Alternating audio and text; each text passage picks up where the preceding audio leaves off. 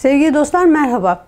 İçinden geçmekte olduğumuz günler hayli zorlu ama bir o kadar da öğretici. Ee, ve bir o kadar da dayanışmayı, insanlığımızı, birlikteliğimizi bize hatırlatan e, uyarıcı günler.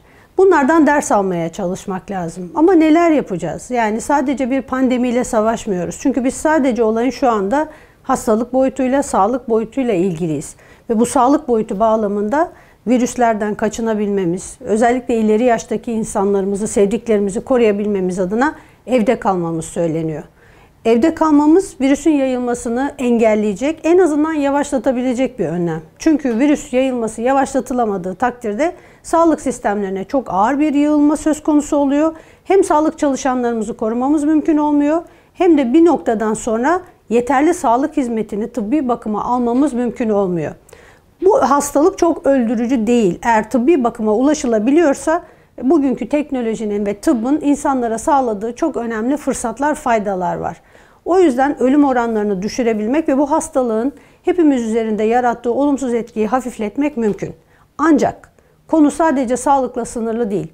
Bu ölçekte bir pandemi aynı zamanda dünya satında bir ekonomik krizin, bir resesyonun da başlangıcı anlamına geliyor. Evlerden çıktığımız andan itibaren ekonominin çarklarının bundan sonraki dönüşünün çok daha geç olacağını bilmek zorundayız. Evde kalmamız ekonomik krizi, gelecekteki ekonomik krizi daha hafif atlatmamızı da sağlayacak olan bir şey. Çünkü süreci ne kadar uzatırsak ekonomimiz o kadar ağır hasar alacak. Dünya ekonomisi de kendi ulusal ekonomimiz de o kadar ağır hasar alacak.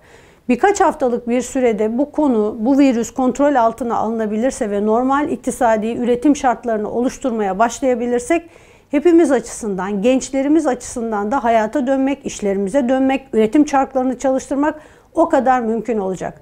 Bu bir savaş ve içimizdeki savaşçı ruhunu çıkartmak zorundayız. Korkuyla, panikle üstünden gelebileceğimiz bir durum değil. Hepimiz evlerimizde kalırken korktuğumuz, saklandığımız için kalmıyoruz. Orası cephe ve orada savaşıyoruz. Geleceğimiz için savaşıyoruz. Gelecekteki ülkemiz için savaşıyoruz. Sadece ölümle de değil. Daha iyi bir yaşam için de savaşıyoruz. Bunu aklınızdan hiç çıkartmamanızı rica ediyorum.